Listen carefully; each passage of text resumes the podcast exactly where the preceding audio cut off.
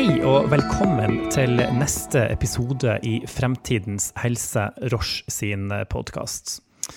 I dag har jeg vært så heldig å få med meg Katrine Myhre, som er administrerende direktør i Norway Healthtech, som gjest her i podkasten vår. Velkommen, Katrine. Tusen hjertelig takk, Hans Christian. Jeg vet Katrine, at du har hatt noen eh, skikkelig hektiske dager i det siste. Eh, og, sånn sett også nok en gang hjertelig takk for at du setter av litt tid til å bli med oss eh, her i dag. Kan du fortelle litt om hva som er grunnen til at det har vært så hektisk over de siste ukene? Ja. Eh, er, tror det mye, mange industriaktører i Norge som har det hektisk om dagen, og særlig alle som jobber inn mot helsesektoren. Og det er klart at eh, covid-19-pandemien, som eh, Norge fortsatt er midt oppi Vanskelig å si om vi skal si at vi er i tidlig fase fortsatt, eller om vi er i midten, eller hvor lenge dette kommer til å vare. Men i hvert fall, da covid-19 også kom til Norge, så var det en del vi kanskje hadde i Norge på generelt grunnlag hadde kontroll på. Men eh, det ble ganske raskt eh, oppdaget at eh, vi hadde behov for mer testutstyr, vi hadde behov for mer smittevernutstyr osv. Og, så videre, og ganske sånn akutt, egentlig.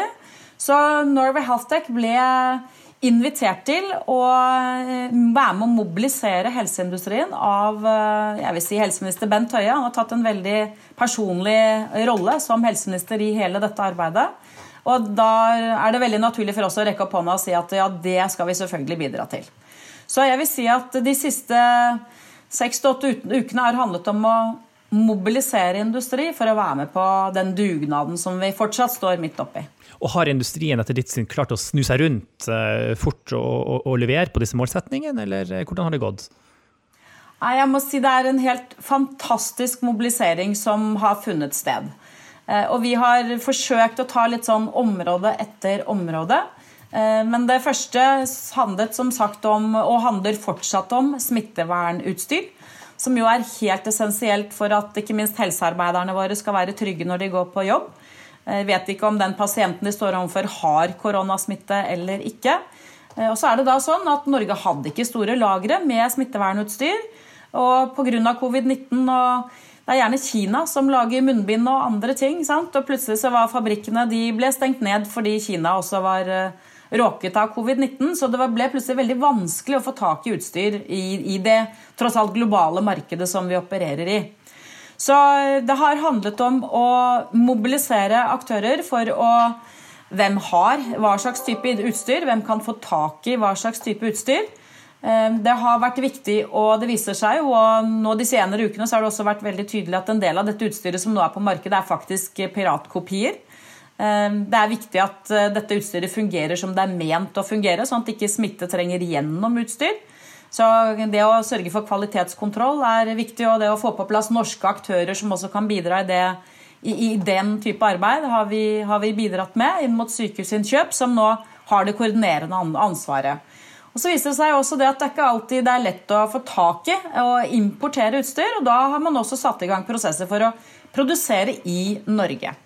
Så, og vi er en del av dette økosystemet som eh, bidrar til dette. Så her har man klart eh, ikke bare å mobilisere, men faktisk også å levere fort eh, og av, og av høy kvalitet. Det vil jeg si, og det er jo hva skal jeg si, veldig Norge er opptatt av kvalitet. Vi er opptatt av kvalitet i alle ledd. Vi er opptatt av at pasientene skal få god og riktig behandling. Vi er også opptatt av at helsepersonellet skal beskyttes på riktig måte. Så eh, når man skal kjøpe åndedrettsmasker, så skal man vite at de faktisk fungerer. Og vi har vel kanskje alle lest om eh, Tromsø, som i god tro kjøper smittevern, eh, altså masker, eh, altså munnbind, som viser seg da å ikke faktisk eh, være i tråd med regulatoriske krav. Og sånn sett også har bidratt til å faktisk smitte også helsepersonell. Så ja, du Katrine, du har i mange år vært eh, brennende opptatt av eh, den norske helsenæringa, av, eh, av, helseteknologi og av forskning og innovasjon på feltet. Hva er det som ligger bak denne ja, man, man merker det også når man snakker med deg, denne store lidenskapen? Vel, Det starter vel kanskje med at jeg har jobbet ganske mange år ved Universitetet i Oslo. Eh, med forskning og kunnskap og flinke mennesker som, kommer opp med ny kunnskap. Det vi ikke har vært så gode på i Norge innenfor helsefeltet, vel å merke, er nettopp å ta i bruk den kunnskapen eh, til å lage nye produkter, eh, nye tjenester. Og både sørge for at det kommer Norge til gode, men selvfølgelig også et globalt marked. Og så må jeg si at helse er en av de områdene. Akkurat sånn som skole er også et veldig, veldig viktig samfunnsområde. Altså jeg er statsviter av bakgrunn og har nok et litt sånn eh, stort hjerte for at dette samfunnet vårt skal, skal fungere godt, eh, og at alle skal eh, fortsatt ha det bra i Norge. Og da er helse er liksom en helt avgjørende faktor i, i det bildet. Eh, og så har jeg sett da, gjennom eh, min jobb ved Universitetet i Oslo og rundt om forbi at åh, det er så mye flinke forskere, det er så mye bra kunnskap, og det er så mye fantastisk bra teknologi, også i andre sektorer, f.eks. olje- og gassektoren, som helse kunne nyte veldig godt av. Eh, og det vil da bidra til bedre og høyere kvalitet i pasientbehandlingen. Sykehusene kan bruke de kronene de har til rådighet, enda mer effektivt. Selvfølgelig på ingen måte eh, ta ned kvalitet, men det handler om allikevel økt effektivitet. Um, så jeg liker vel da, også, liker å både være hva skal jeg si for noe, praktisk og hands on og hjelpe gründeren. Det er jo fantastisk å få lov til å hjelpe gründere å lykkes med sine prosjekter, samtidig som det da bidrar til, uh, til en mer bærekraftig helsetjeneste i Norge. Um, også legge til det at helse er kanskje den mest globale eh, industrien eller området i verden. Alle mennesker i hele verden er opptatt av helsa si. Eh, og det å kunne leve godt og, og, ha det godt med andre og seg selv. Eh, sant? Helse er helt avgjørende. Og jeg pleier å si at Hvis Norge har gode produkter og løsninger, hvorfor all verden skal vi ikke sørge for at resten av verden også får tilgang til det? Så ja, det, er, det, det ligger vel i blodet. Det er et eller annet DNA her som sier at dette er viktig. Dette er gøy å jobbe med. Nettopp. Mange snakker om eh, nærmest en, en, en Kinderegg-effekt eh, ved å satse eh, på helse. Og det er jo helt åpenbart, du beskriver her altså, veldig mange upsides rett og slett ved å, ved å, både jobbe med feltet, med å satse på det.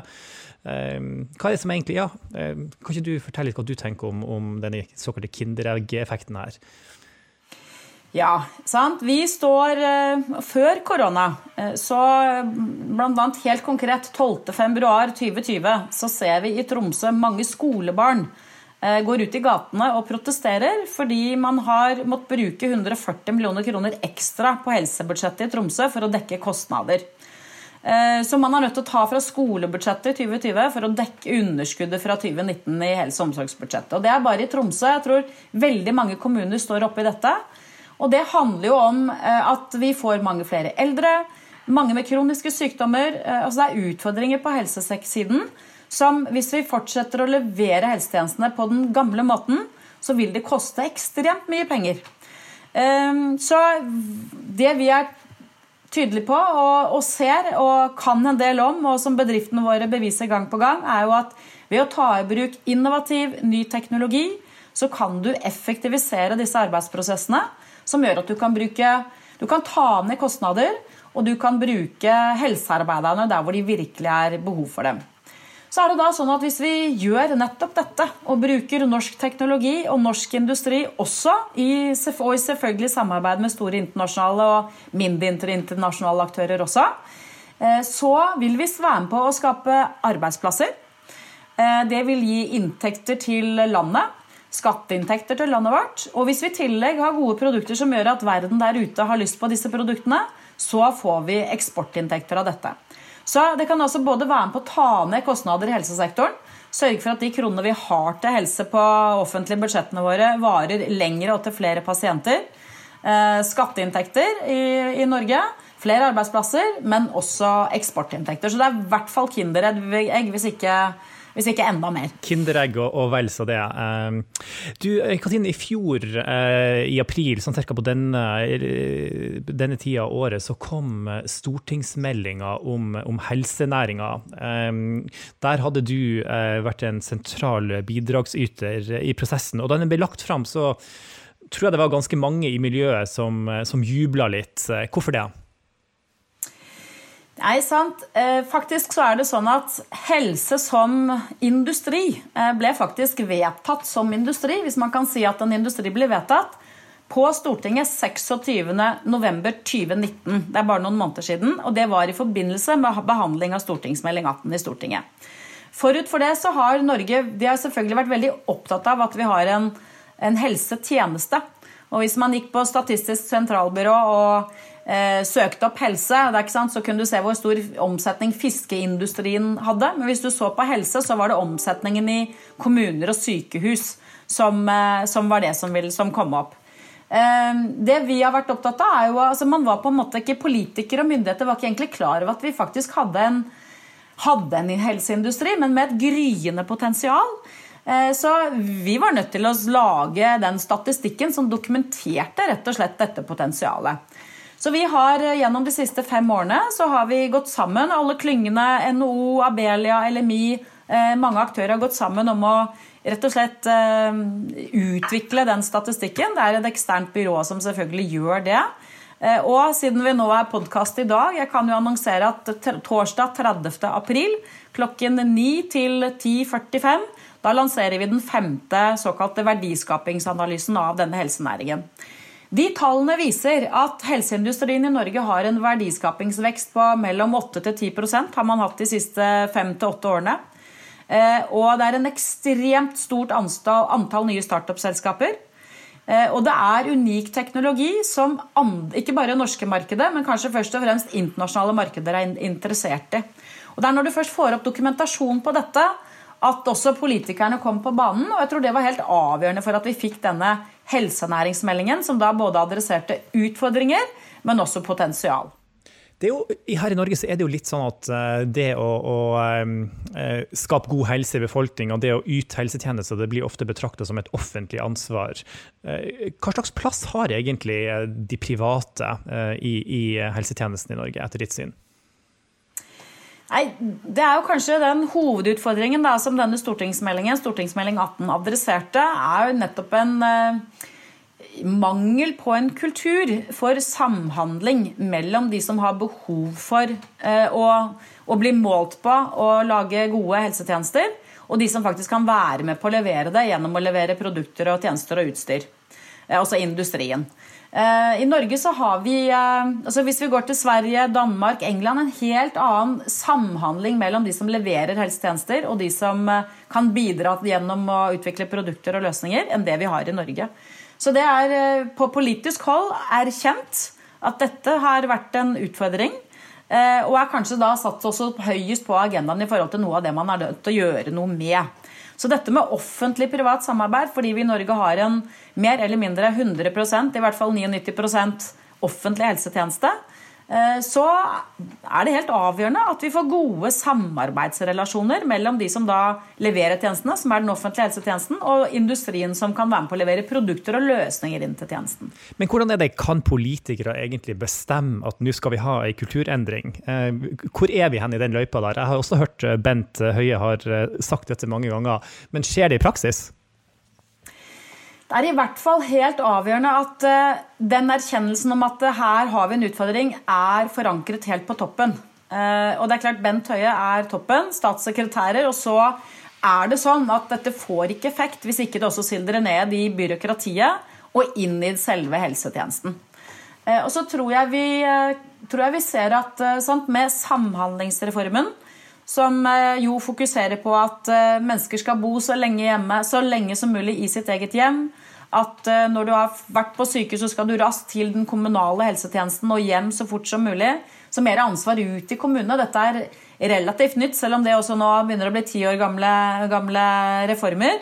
Så kommunene har, fordi de ikke har hatt samme ansvar tidligere, de har kanskje grepet dette raskere. Mindre motstand eh, og mindre kulturell eh, ja, mindre kulturell motstand i kommunene. Jeg tror jeg har lyst til å liksom nevne det. Og så har det vært større og lengre løp og endre kulturen inn i sykehusene. Og Samtidig så Ref den situasjonen vi står oppe i med covid-19, eh, har jo virkelig bevist eh, at det er helt nødvendig med god samhandling og godt samarbeid mellom de som skal yte og levere helsetjenester, og de som kan levere produkter som, eh, som, eh, som muliggjør nettopp dette. Da.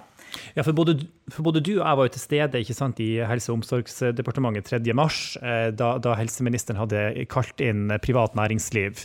Eh, og han ga jo der mer eller mindre sant, en, en, en marsjordre ikke sant, eh, om at nå må vi få på plass samarbeid, nå må vi i fellesskap utvikle løsninger som kan bidra til at Norge kommer seg gjennom denne krisa. Du må vel også være enig i at altså, der har faktisk også det private levert? Det private har levert fantastisk, og det gjelder Roche. Eh, vi, det, første, det var to ting som ble veldig tydelig adressert i det møtet 3.3. Det er snart to måneder siden. Det føles ut som mye mye lenger siden, så mye som er gjort i mellomtiden, eller et, etter 3.3. Men Roche snudde seg raskt, meget raskt rundt for å bidra til å øke testkapasiteten i Norge. Det man hadde av maskiner for testkapasitet, og så for analyse av de testene som var tatt, det var for lav kapasitet. Roche snudde seg rundt, og fantastisk arbeid. Eh, tok risiko på egen kappe osv. Da, da snakker vi om industri som på en måte rekker opp hånda og sier at ja, vi, her bidrar vi. Så Roche har gjort eh, sitt, eh, sitt, bidrag, og jeg vet dere fortsatt jobber med å, bidra på den fronten. Eh, og det and, and, all annen helseindustri også. Og kan jo nevne at Når vi da sammen med Sykehusinnkjøp lager et webinar for å adressere hva er det vi, hvor Sykehusinnkjøp adresserte hva har vi behov for av smittevernutstyr, Korona gjorde at vi må kjøre dette som et webinar. Det er også 550 mennesker med på det webinaret hele tiden. Eh, og så mye som 900 mennesker er innom det webinaret. Og det bidrar til å mobilisere og spre budskap. Så industrien har rukket opp hånda og bidrar. Og Apropos eh, engasjement og dugnad. Eh, eh det har jo også vært tiltak som f.eks. Hack the Crisis, og, eh, som virkelig samla eh, alt fra studenter til helt ferske startups. Eh, også folk fra veletablerte bedrifter som har interesse for feltet. Altså, dette engasjementet har jo vært helt fantastisk. Ja, det, både du og jeg var jo så heldige å få lov å sitte i juryen på helsevertikalen på Hack the Crisis. Og eh, 700-800 mennesker som jobber døgnet rundt i tre-fire dager eh, digitalt. De møtes ikke nettopp pga. korona. Eh, og vi fikk jo ti fantastiske forslag på bordet som vi måtte evaluere og velge ett et forslag. Uh, igjen en vanvittig dugnadsinnsats. Og jeg vet jo at også det teamet som eh, fasiliterte Hack the Crisis, de er nå faktisk til og med engasjert av EU for å gjøre det samme på europeisk nivå. Så, eh, og en ting til som det er kanskje verdt å reflektere over, altså dette med digitalisering. Uh, det gjelder både oss som jobber med møter og kan bruke webinarer. Ikke, nå er det ikke liksom bare noe, noe, du gjør i tillegg til den fysiske møteplassen, du gjør det istedenfor. Men det bidrar jo også til et voldsomt engasjement. Det er enklere kanskje for folk å melde seg på, og budskapet blir spredt eh, enda raskere. Vi visste det kanskje i teorien, men nå har vi ordentlig fått testet det i praksis. Tenk du at sånn Tenk du at sånn sett vil eh, den situasjonen vi har stått i og egentlig står i fortsatt, eh, altså vil endre eh, ikke bare Helse-Norge, men Norge på sikt? Det, jeg er helt sikker på at dette kommer til å endre Norge på sikt. Eh, hvordan det kommer til å endre Norge, er jeg Det er jo fortsatt litt sånn å spå i fremtiden. Det er jo en absolutt felt hvor det er viktig at man også møtes face to face. Da. Jeg har viktig møte f.eks. på mandag med ja, hvor vi skal utvikle konsepter for å ta i bruk helt ny teknologi inn på et av sykehusene våre. og Det er i og for seg kompliserte ting.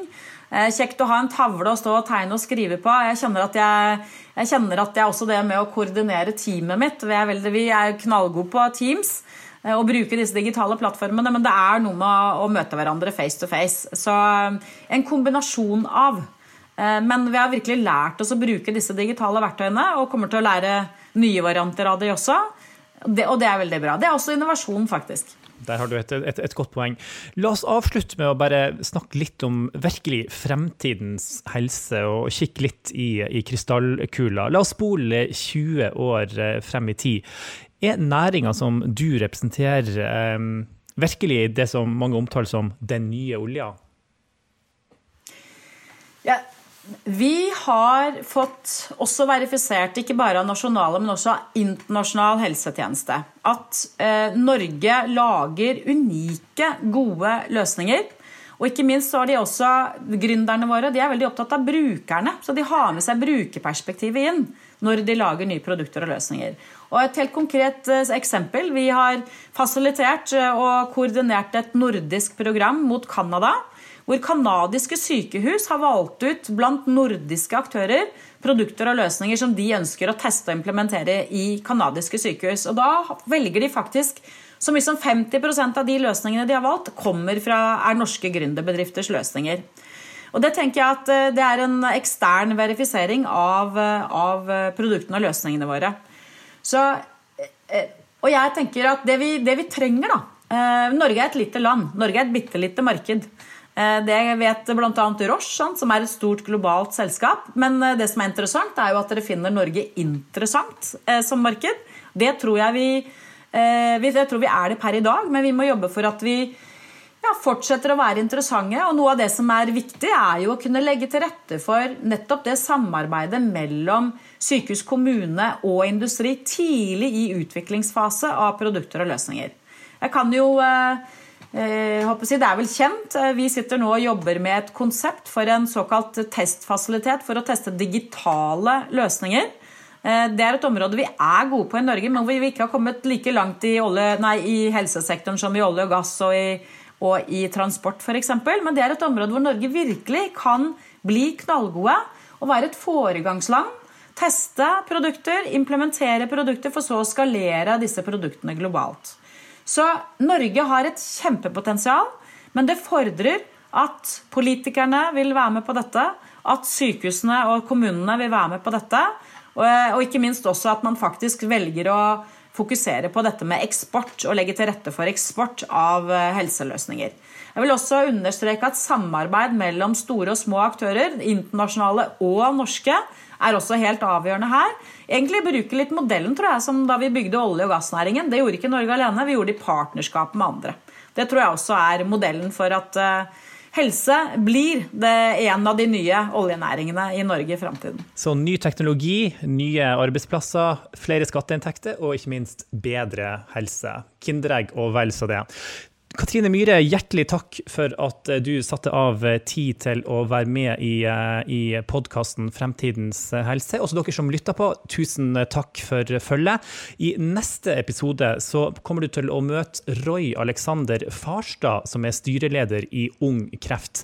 Der skal vi snakke bl.a. om hvordan det er å ha kreft som ungdom, og hvordan koronakrisa har endra hverdagen blant kreftpasienter. Takk for i dag.